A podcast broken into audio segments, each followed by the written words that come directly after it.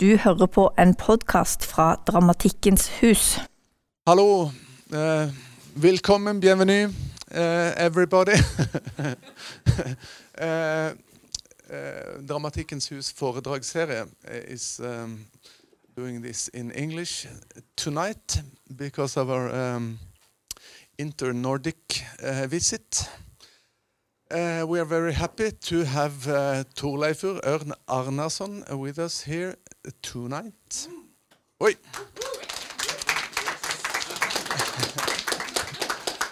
and uh, I am talking into this uh, microphone because this is um, a streamed um, um, happening. So we will um, continue this in our uh, Q and A after this lecture. So very happy to have you here. Please um, welcome. Thank you.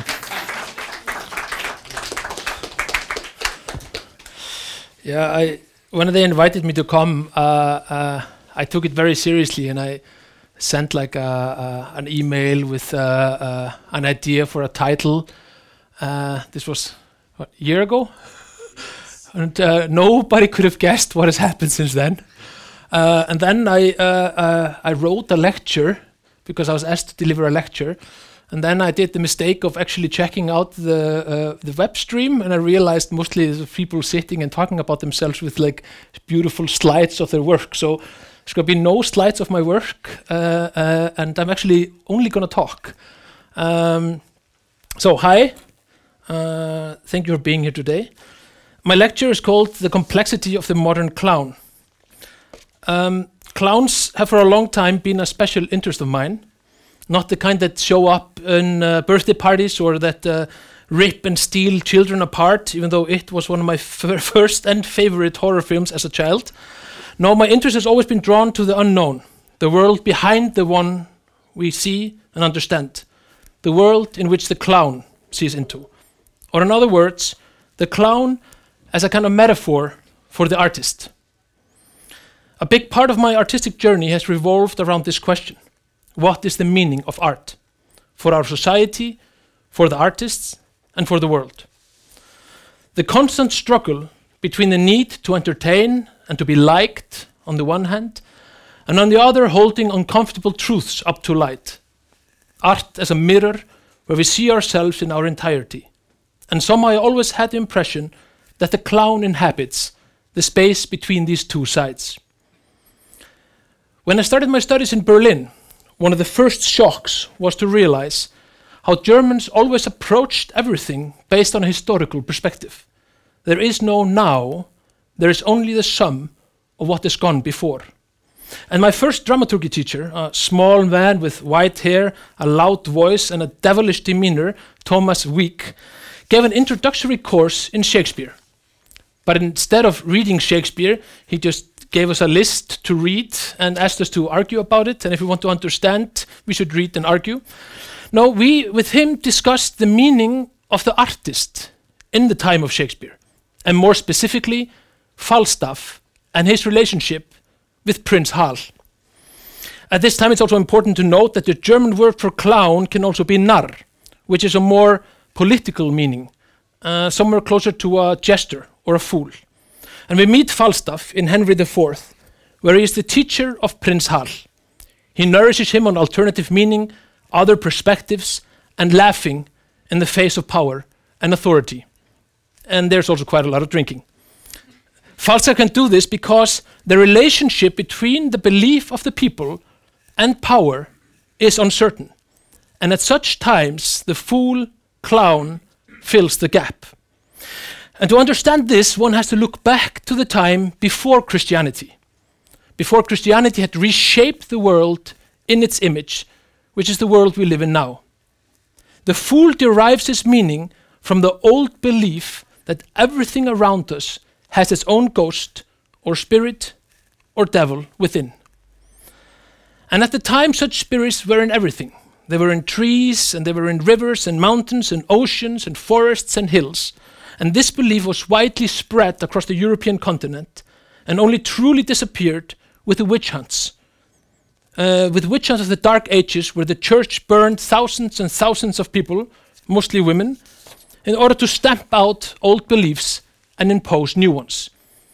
Well, they did forget to burn a lot of people in Iceland, and therefore about 80% of us still believe in elves. Simultaneously, the church created the so called passion games within cities, in some regards, the forefather of the modern theater. The passions were retellings of the stories of the passion walk of Jesus Christ, staged on streets and wound their way like processions through the city. But in one aspect of these passions was that from a certain point in time, they were accompanied by a devil. This devil was played by an actor. And like the prostitutes that were allowed into the cities only during the carnival time, the actor had to leave the city as soon as his role was done, because he was a dangerous being. Because the people did not see the devil we know now, but the devil they had always known in all things around them through their connection to nature. And slowly but surely, the church managed to integrate the idea of the Christian devil into the belief system, just like they integrated Christmas, Easter, and turned smaller gods into saints.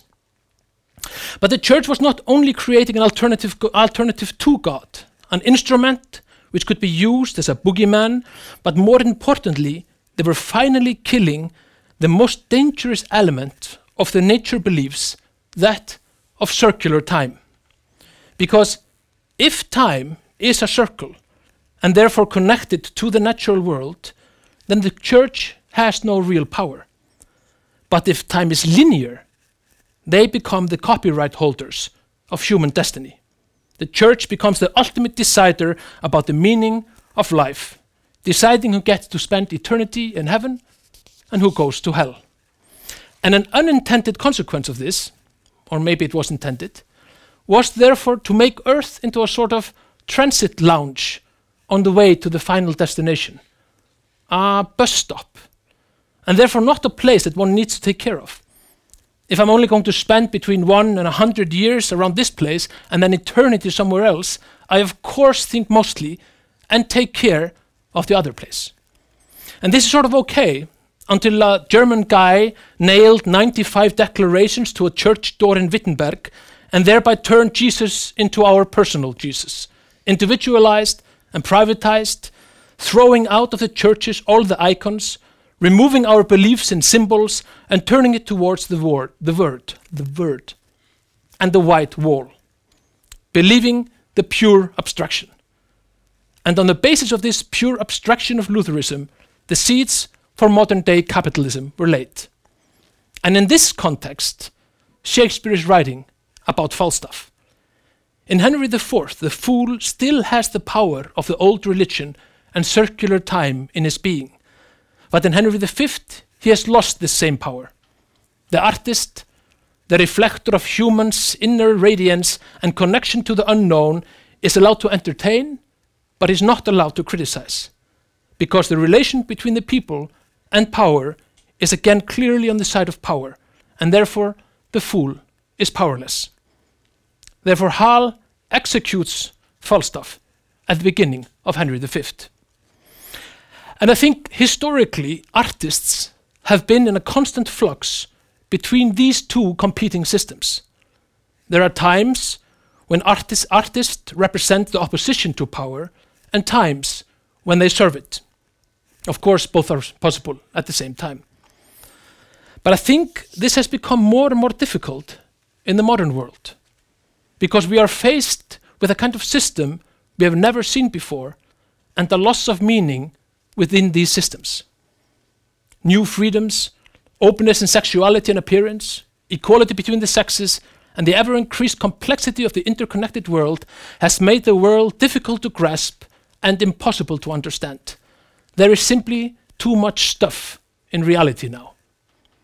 And then there's the dark side of the modern world increasing inequality mixed with the looming global warming crisis, which is creating a society where the many will be segregated from the few gated communities where the rich and the well off will live, discussing inequality, ecological milk, and feminism, separated from the hardship of the many, leading to an institutionalization of compromised morality where the few live on the backs of the suffering many.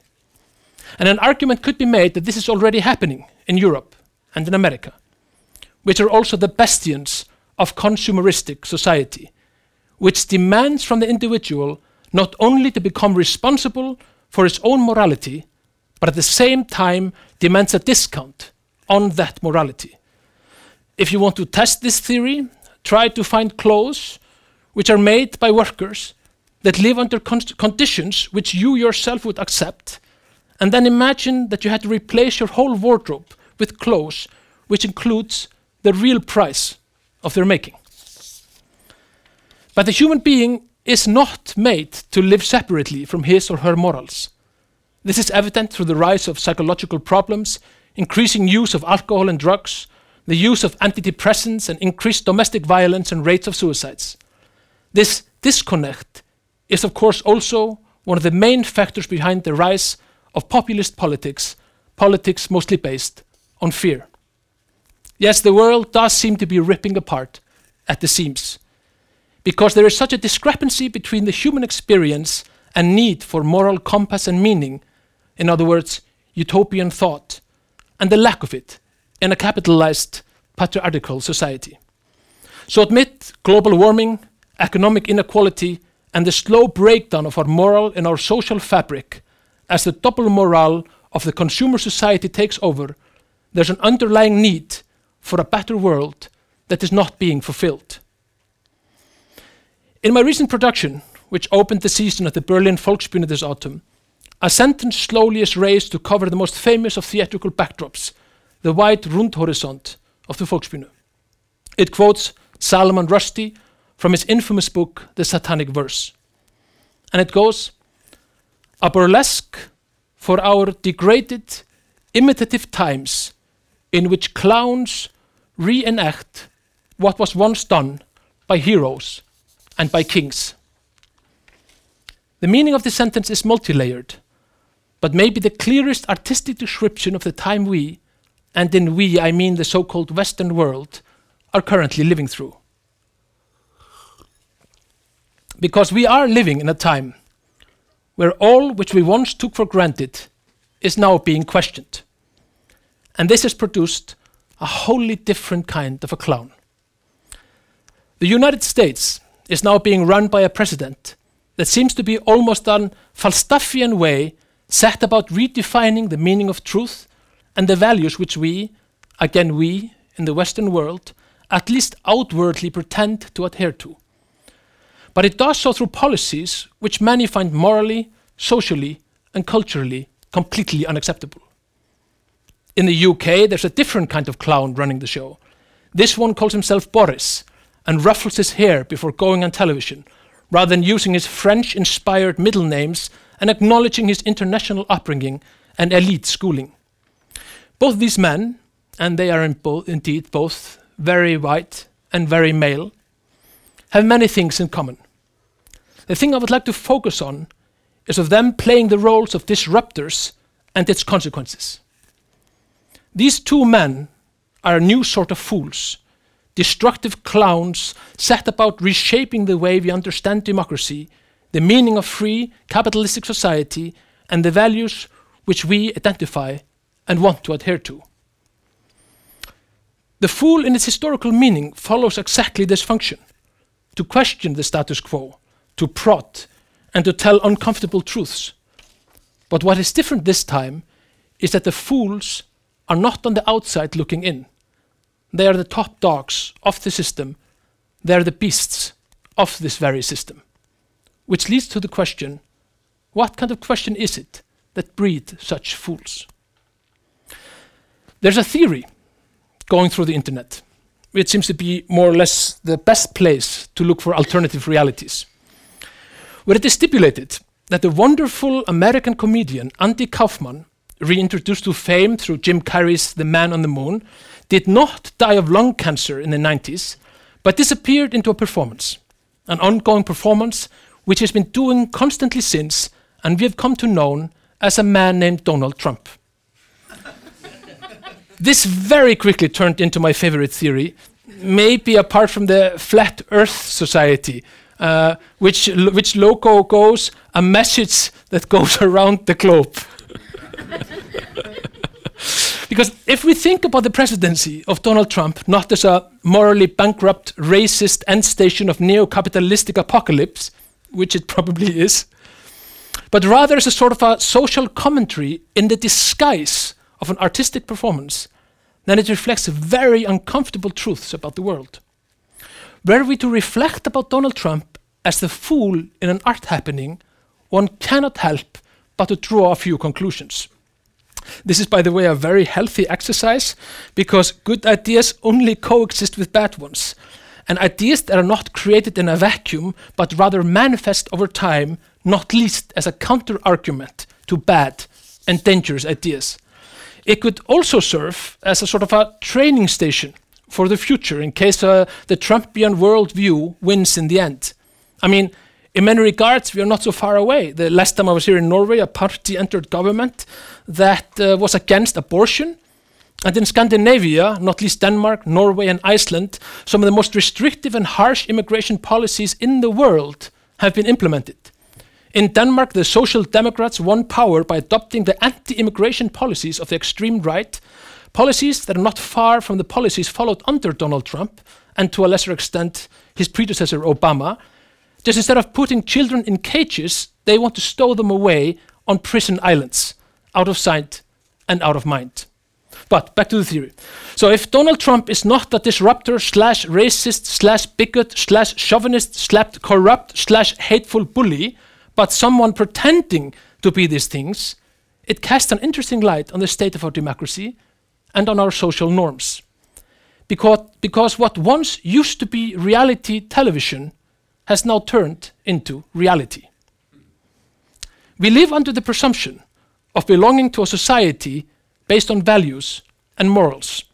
The thinking goes something like this we came together in Greek islands, discovered a form of government based on deep philosophical thought, lessons of endless wars, remembering and reworking Homer and Plato and Aristotle.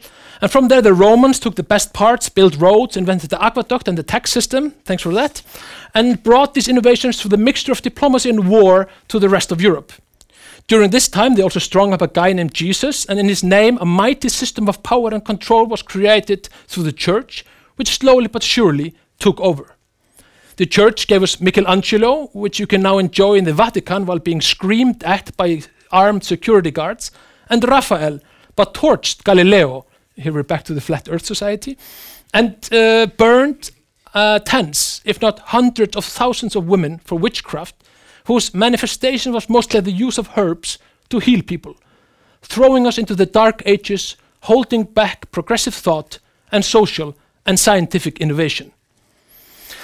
Then along came this German, living in what, after the Second World War, has, become, has come to be known as Kaliningrad, but before that was called Königsberg, and through pure reason came to the conclusion that the human rationale was above the divine, divineness of God.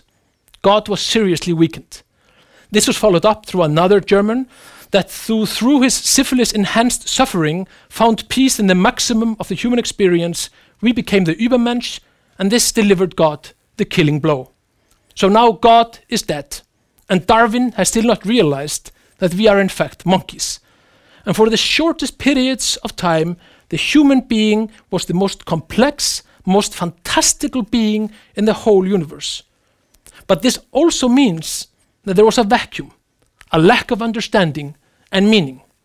And this scared us like nothing had scared us before. So we set about filling the void. And during the short time, almost all of what we today regard as the pillars of our civilization were invented or shaped. The natural sciences, the universities, the bureaucratical system, most of the classical music, and of course the German bourgeois theater. Goethe and Schiller argued about theater and the meaning of life, as well as sex and love of minors. Philosophers argued that since man was create God's philosophers argued that since man was creation's greatest pinnacle, the mind must be the crown jewel, and the highest expression of the mind are the arts. Therefore, art could replace God. And this was a golden time. Oh my God, artists and philosophers and hippies and scientists mingled and created the world and recreated the world again and again and again. And then came Darwin and ruined it all by traveling to a small island in the Pacific and figuring out that we were, in fact, highly developed monkeys. Boom. And it was over. Everything is evolution. There is no higher state of consciousness. Art is meaningless. I mean, what do monkeys have to do with art? So now there's time of scientific progress. Locomotives and factories and cities and poverty and breakdown of social norms and freedom of the middle class and new horizons. And a math teacher in Switzerland discovers the building blocks of the universe, and all of a sudden we can see through time and space, more fantastical than any art. And then along comes a cat, which is simultaneously living and dead and creates an unbridgeable gap to the theories of Einstein. So now dialectic is also torn away from the arts and given to the scientists. I mean, even Salman Rushdie could not have made this up. And now we have a micro universe and we have a macro universe. And in central Germany, a crazy bearded man from Trier preached about equality and the justice for the working class. Karl Marx was trying to replace the monkey theory, survival of the fittest, with the theory of economic progress and undeniable progress of inequality that results from it. And this goes on for a while, and artists find new homes in this fight of ideology, ideologies and utopias. And unfortunately, this search led humankind not towards a Buddhist kind of enlightenment, but direct towards fear, breakup of social structures, and finally to war, the first total war, war the world had ever seen. At the dawn of the European democratic dream, the continent teared itself apart. And after the war, we kept fighting each other and developed even more sinister ideologies and explained why we, we being rather narrowly defined this time along racial lines, should be the masters of the universe and destroy all that did not agree. And this time, ideologies and the arts that they bred were misused and given a more sinister context. This laid the groundwork for a true world war. And this war almost managed to destroy the world. The most terrible weapon in history was thrown out of an airplane by the biggest champion of both freedom and democracy. And bim salabum, Democrats were there to stay. Of course, parts of the world were still playing with the ideas of Marx, but the time of ideology was truly at an end, and the theories of the bearded German were packed away on the dustbins of history and inroad capitalism as the undefeated champion of the world. And now freedom should be for all. Endless progress, endless resources. We could dig and pump up all we could and build and spend and use and consume and show ourselves and work and define ourselves by that which we appear to be rather than that what we are. And we gladly bought iPhones, and then we installed apps with social platforms, which we then used to like pictures of protest of people fighting for better working conditions in their Chinese factories by throwing themselves out of windows in the factories where they were building the iPhones, which we used to express our outrage. we buy clothes created by children and use one third of the money we saved with cheap labor to give to charities which help children of slave labor in time where we are taught to live with double moral as the basic principle of our interaction with the world, which makes it hard to create art, which has historical roots in a moral understanding of society. And at just the time, and at just this time, Donald Trump becomes president after running a campaign that was like an episode in his immensely popular reality TV show. And instead of trying to figure out what, what it says about us as a society and our moral posturing, we just hate him. And I sometimes wonder if we hate him so much because he is much closer to how we have become than how we would like to see ourselves. He is our greed without the mask. He is our love of money, worship of entertainment. He is our need to appear something we are not and to hide behind our history rather than face the partly terrible legacy which Western civilization have delivered on part, parts of the world. Because, but of course, this is not how the discourse is going. It is so much easier to take a moralistic shower every morning than to face what our treatment of our values have collectively landed us. Easier than facing those hard truths about the barbaric system we have slowly created around our economic needs and endless consumption. And which role has art played in this context? Has it stood up to power? Has it delivered a different and alternative narrative to the ruling mindset? Or has it the opportunity to do so?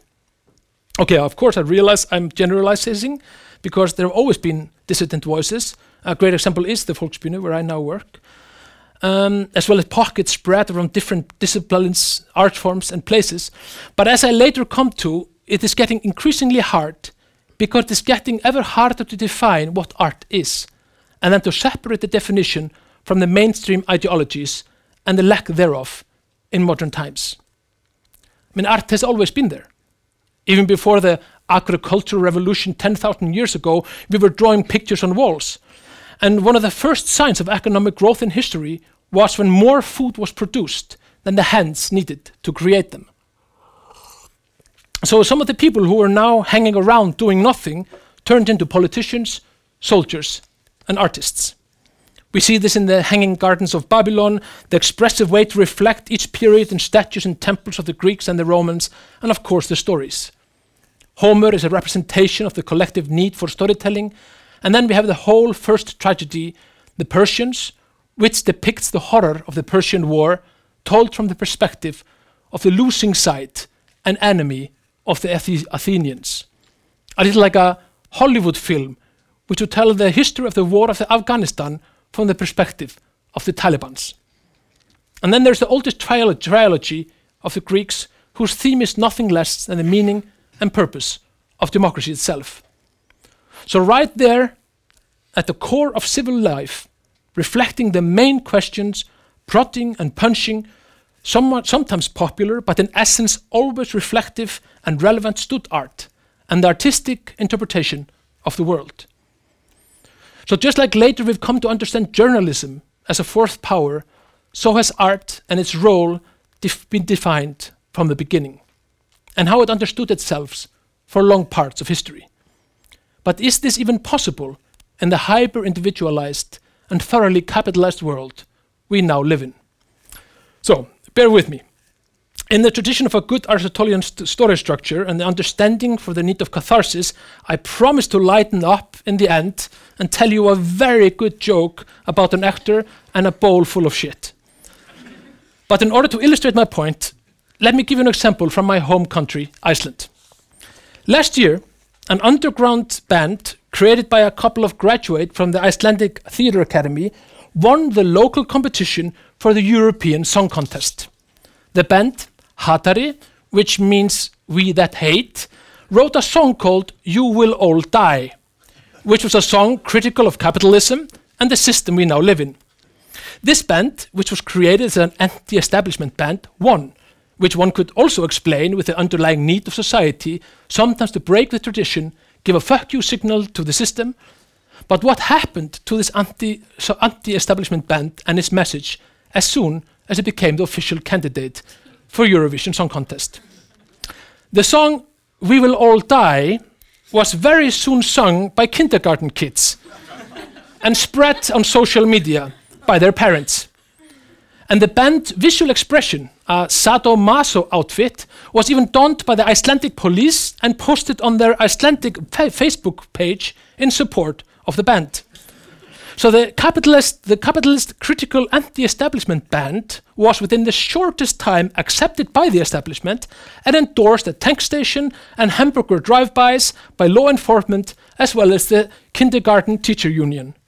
Everybody projected whatever they wanted into the band's meaning because we now have a system which incorporates criticism as a part of maintaining the system. That which started with Che Guevara has become a guiding principle in the treatment of dissidents. Of course, Hatari lost their edge and were somewhere close to a nervous breakdown. They had sold out to Eurovision. But what was the alternative? To keep playing in a basement somewhere to 37 people and by that very act stay irrelevant? Because the only way to reach a big group of people is through a very means that rips the meaning from you in a society focused on likes, it's very hard not to be liked. Therefore, it is becoming harder and harder to navigate the very act of being an artist in a thoroughly capitalized world where everything is a commodity. And how to navigate this?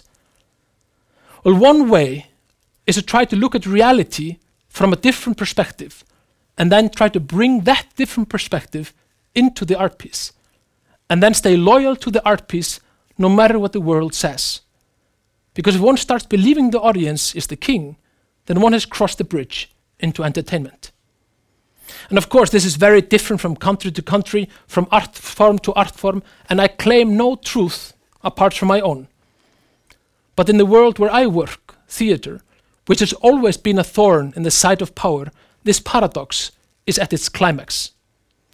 Theatre is unique among art forms, since it is the only art form which cannot be wrapped up, filmed, or recorded and sold to a museum or a Saudi oil billionaire.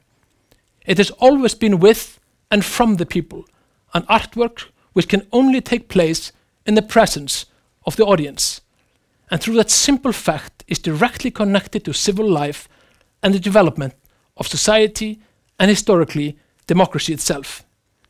But if we lose this simple truth, we will soon be lost, just like Falstaff, whose loss of context makes it possible for Hal the Prince to execute his teacher. A time where the clown has no meaning is also a time where we can get rid of the clown or replace them with something light and entertaining. I therefore like the theories like the one about Andy Kaufman because it reminds me that politics are in reality nothing other than a performative act. And if I look at it as such, I have an opportunity to understand the deeper currents and therefore not fall asleep in the morally hazardous waters of being right, of knowing better, and being better than. Because just as so much of the beauty that was resulted out of the Enlightenment and built the very foundations of our civilization came from the same nations that a few decades later tried to exterminate whole peoples. And maybe in this sense, we, the Western world, are now the German peoples of history. Peoples that have given humanity some of its most incredible treasures, thought some of the most magnificent thoughts, and created some of history's most wonderful artworks. But we have at the same time ripped the rest of the world apart, imposed a system which is figuratively and actually destroying the planet we live on, and we do so while we moralize about it on our smartphones, created on the backs of workers working in, in conditions we would never accept for ourselves. Double moral has become our elixir. And the sooner we accept this fact, the easier it will be to renew our democracy and maybe create a world again where it will become hard to make good art. But fortunately, we sometimes even surprise ourselves. In the recent film The Joker, that's the t shirt, we see a different kind of clown, and maybe one which is much closer to the true way we now see ourselves. A clown that has no reality to count on, no reality to depend on, no reality to believe in anymore. And out of this hopelessness, he reacts, and the machine starts turning, and before he knows it, he has become the Che Guevara of his generation. The most famous villain in the history of comics is all of a sudden the true hero, an anti hero kind of hero. A knight for justice without any sort of ideology, justice based on feeling, the feeling of being left behind. The clown, the fool, becomes the mirror of our own moral failings. Maybe this will be the next battlefield, where on one hand we have the fool in the form of a president, which symbolizes the true expression of our lack of morals in the modern world, and on the other the clown, which has nothing to lose but to take the injustice of the world and reflect it back at the world. Both are dangerous, and the consequences are uncertain. Clear is, though, that both sorts of clowns are pushing society towards action. The question is what kind of society will there be left once the two, these two have finished their work? And yes, the joke. An actor comes to the chief of theatre. I have an idea, says the actor. Yes, says the chief. I imagine an empty stage. Yes, says the chief, that kind of likes decoration. No, no. In the middle of the stage, there's a large bowl. It's five meters across and one meter deep. Yes? Yes, and the bowl is absolutely full of shit. Uh, okay, yes, yes. And hanging above it is a concrete slab which is also five meters across and a meter thick. Uh, and then the chief asks, not really knowing if he wants to hear the answer. Then the concrete slab drops into the bowl, and shit flies everywhere on the walls, on the technique, on the stage, all over the audience. Yes, and, and then, asks the chief, and then I come all dressed in white. Thank you.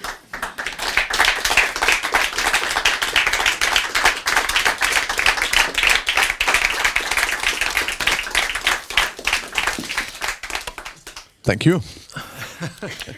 uh, thank you for an amazing train of thoughts, or what we call a lecture. You asked for a lecture, I Yes. just tried to deliver. And you, you wrote this uh, um, a year ago after we, we first spoke. No, I've Or been writing it, Since, Since. that's that's good to hear because it's or maybe uh, last week, but Yeah. uh, uh, it's um, lots of uh, stuff you dig into and swim through in a quick time. So um, first of all, uh, thank you for bumping me. yes, well, Uh, so this is our Q and A. Uh, people out here in the audience, do you have anything um, on your minds or um, you want to share with us? or argue or disagree or Yes. yes. Okay, and then you have to speak into this microphone. Uh, first of all, thank you uh, very much for this deliverance. It was quite exciting. Uh, uh, I've had uh, some of the things you said brought me uh, back in time a little bit, and uh, performance and politics. It's uh, it's in your blood, uh, both uh, theater and politics. Uh, Your mother was a politician, right? Yes. and also a director. Yes. Which stage do you think is more important? Well, um, my mom was um, sitting in the Icelandic Parliament for the first feminist party, uh, which I, I, which I, I think would um, automatically make her a different kind of polit- uh, different kind of politician, because uh, uh, if you if you come to politics based on a analytical uh, analytical theory rather than on uh, say, a, a platform based on interests, it it creates a, a, a different kind of, of context. And I, I think also because I never, up until this day, I don't know where the politician in my mother and also in our family begins and where the theater ends. So, so for me, this was always um, completely uh, connected, and not politics about like going to a stage and deliver a, um, a, a certain point of view, but rather to use the theater as a as a as a vehicle to to kind of analyze and hopefully reflect on certain underlying currents. Uh, um, and I think sometimes we we mix the two. We we mix that that uh, that politics, you know, and especially in, in, in the modern world, which is so easy to get angry and so easy to to uh, take everything on face value, take the emotion reaction and react to it immediately. We sometimes lack exactly this deeper reading of what is going on in order to come to more fundamental truths about what is being handled in the political process. Uh, and I think there theater can be extremely important because theater, because it's based on historically uh, very close to the, the political process, but at the same time it is a reflection of it and reflection of the structures. It can deliver a kind of machine, uh, uh, interpretational machine that helps you uh, see through it.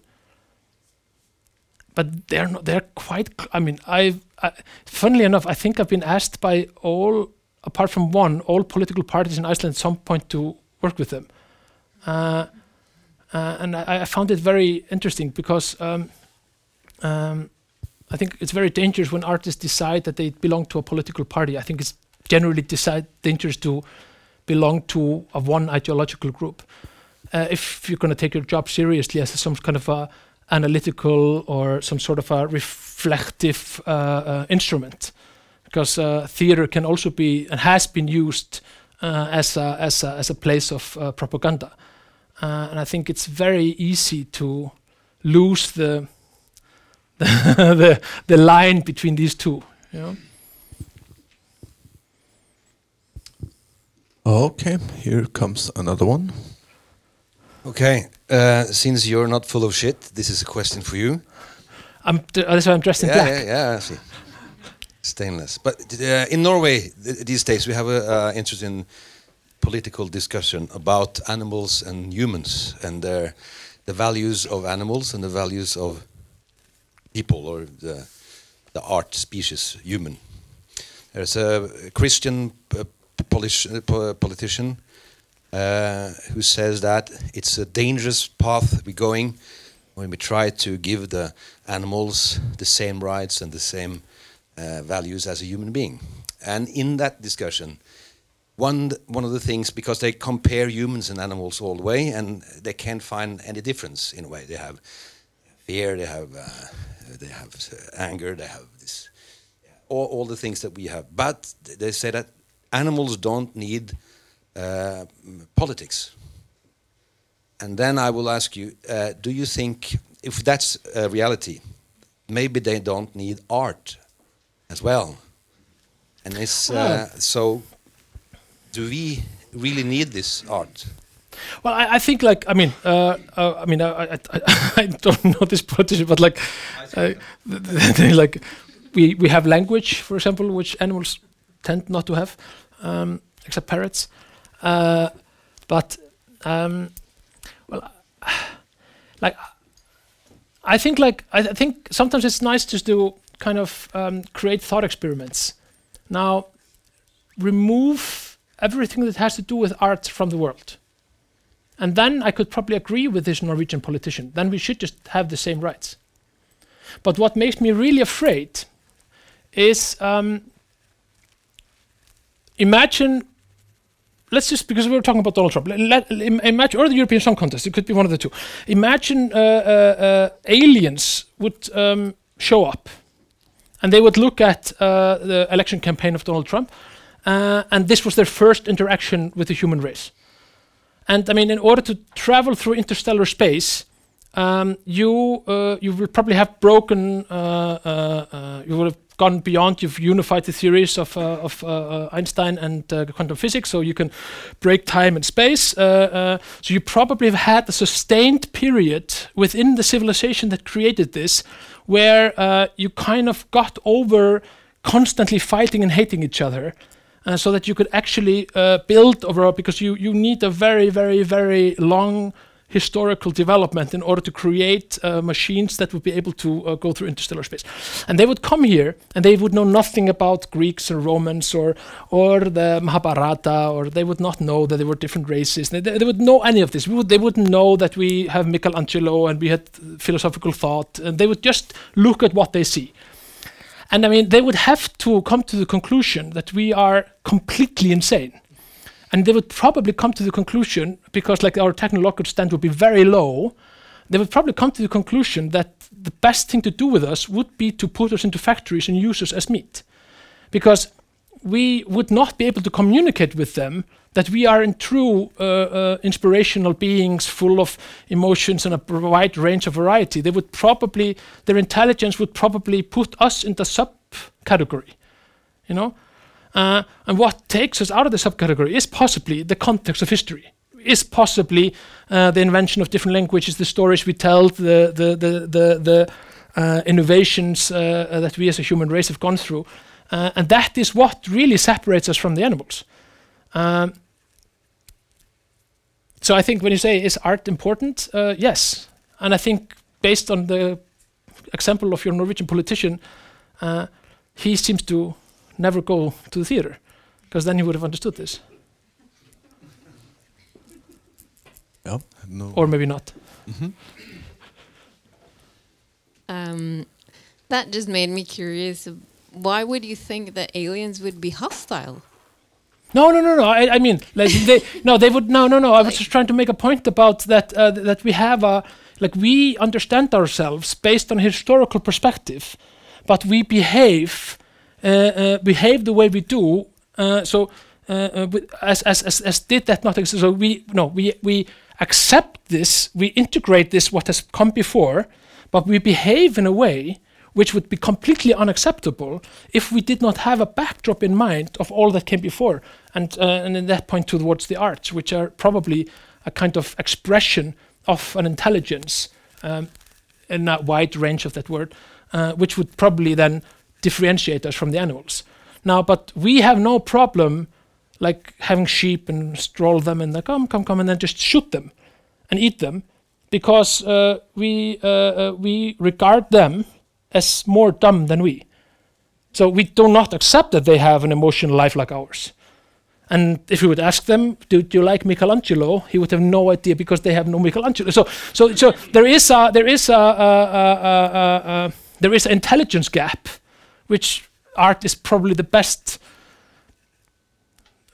Um, Erscheinungsbild. Um, somebody who speaks German.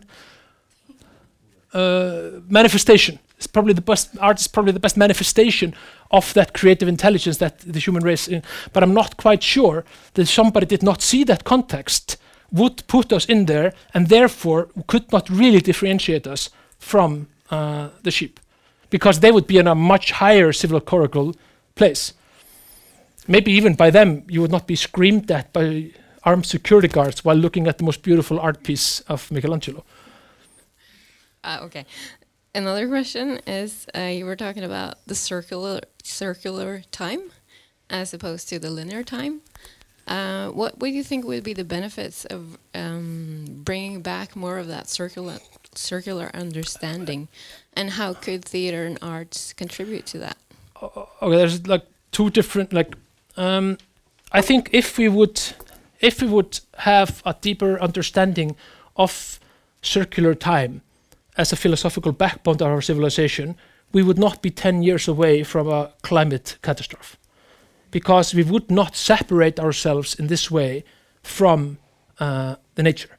Because we because circular time is not a fictive concept. The reason why the church was so in, insistent on destroying it was because it had very old roots, because it it, it, it, it it came from observing and being part of nature for a very long time, and uh, uh, you know, give it you know, be it the stars or be it the trees or be it uh, uh, uh, um, the the seasons, um, and through this abstraction through extract, abstracting ourselves, the, the, the, the power of abstract thought that uh, which uh, Lutheranism is a training station for, I think is the prerequisite for uh, the global uh, climate catastrophe we are now faced with. Uh, of course, it's more complex than that, and of course, part of this pure abstract has also created some of the most magnificent things we know. And this is the paradox. And here it comes where theater is a very good medium because theater is built exactly around this paradox. Because if you, if you imagine, if you think, go back to the Shakespearean theater, it was a little bit like this. There's people sitting on all sides, and uh, uh, um, and uh, in um, let's take uh, uh, Much Ado About Nothing. Uh, uh, there's a scene where Benedick is standing in the garden, very nervous because he hears that, Bened- uh, that Beatrice is on the way, and Beatrice and the guys and the guys are, are manipulating them. So they come like, "Oh, I'm bringing Beatrice to the park," and uh, and Benedick's like, "Oh, I have to hide, I have to hide, I have to hide, so they don't see me, so they don't see me." So now in the modern theater, we just put a tree, and somebody would hide behind the tree, and there's no problem. Now in the Shakespearean theater, this was not possible because if you put a tree here, like in between two ferns, if you put a tree here, you're going to have 350 very angry people because they will not see anything of the show. So, pure reason, there was absolutely no set design. So, how is Benedick going to disappear? He's going to disappear by saying, I'm not here. Now, Now they will go, where is Benedick? And he's saying like, and they go, oh, he's not there. Not there. Oh, oh, oh. Now, what has happened here is that this character has high hit himself, but the character, he cannot see that there is no tree there, because the character needs a tree. So there is some other intelligence demanded on stage, which can create the loop in the mind that you can abstract the tree through a symbol that we all understand. So now on stage, there is the character, and there is another intelligent, which we could call the actor, who is controlling the symbolism of the character. Now, this means that you have a dualistic human being on the stage. Now, if you have a dualistic human being on stage, you can start taking it apart. I mean, Brecht did this later with the Verfremdungseffekt. He didn't invent it, he just took an old Shakespeare trick and used it for political purposes. But if you think about it, this is the perfect place to talk about dialectic because this, the character, and this, the actor, do not have to share an identity. You know? So, can you, th- this is why I think a theater is a very, very, very good, and I mean, we were partly working with this principle in uh, Enemy of the Duck we did at the National Theatre, where uh, uh, one actor uh, was on the stage delivering a monologue, and another actor took the monologue and answered it out of the audience, and then he left the first actor again, having taken away what was supposed to come afterwards, and left the actor without a play and out a script on the stage. So this was not the characters, this was a mix between uh, the actor and the role, and the purpose and the convention with when it takes place. And then they started arguing about very similar themes, partly about morality, about what is right and wrong. Uh, um, so this is, you know, th- these themes are, are extremely optimal for the theater because we do not have unity of figure and character in the theatrical setting. We don't have to have unity of character and, and actor in the theatrical setting.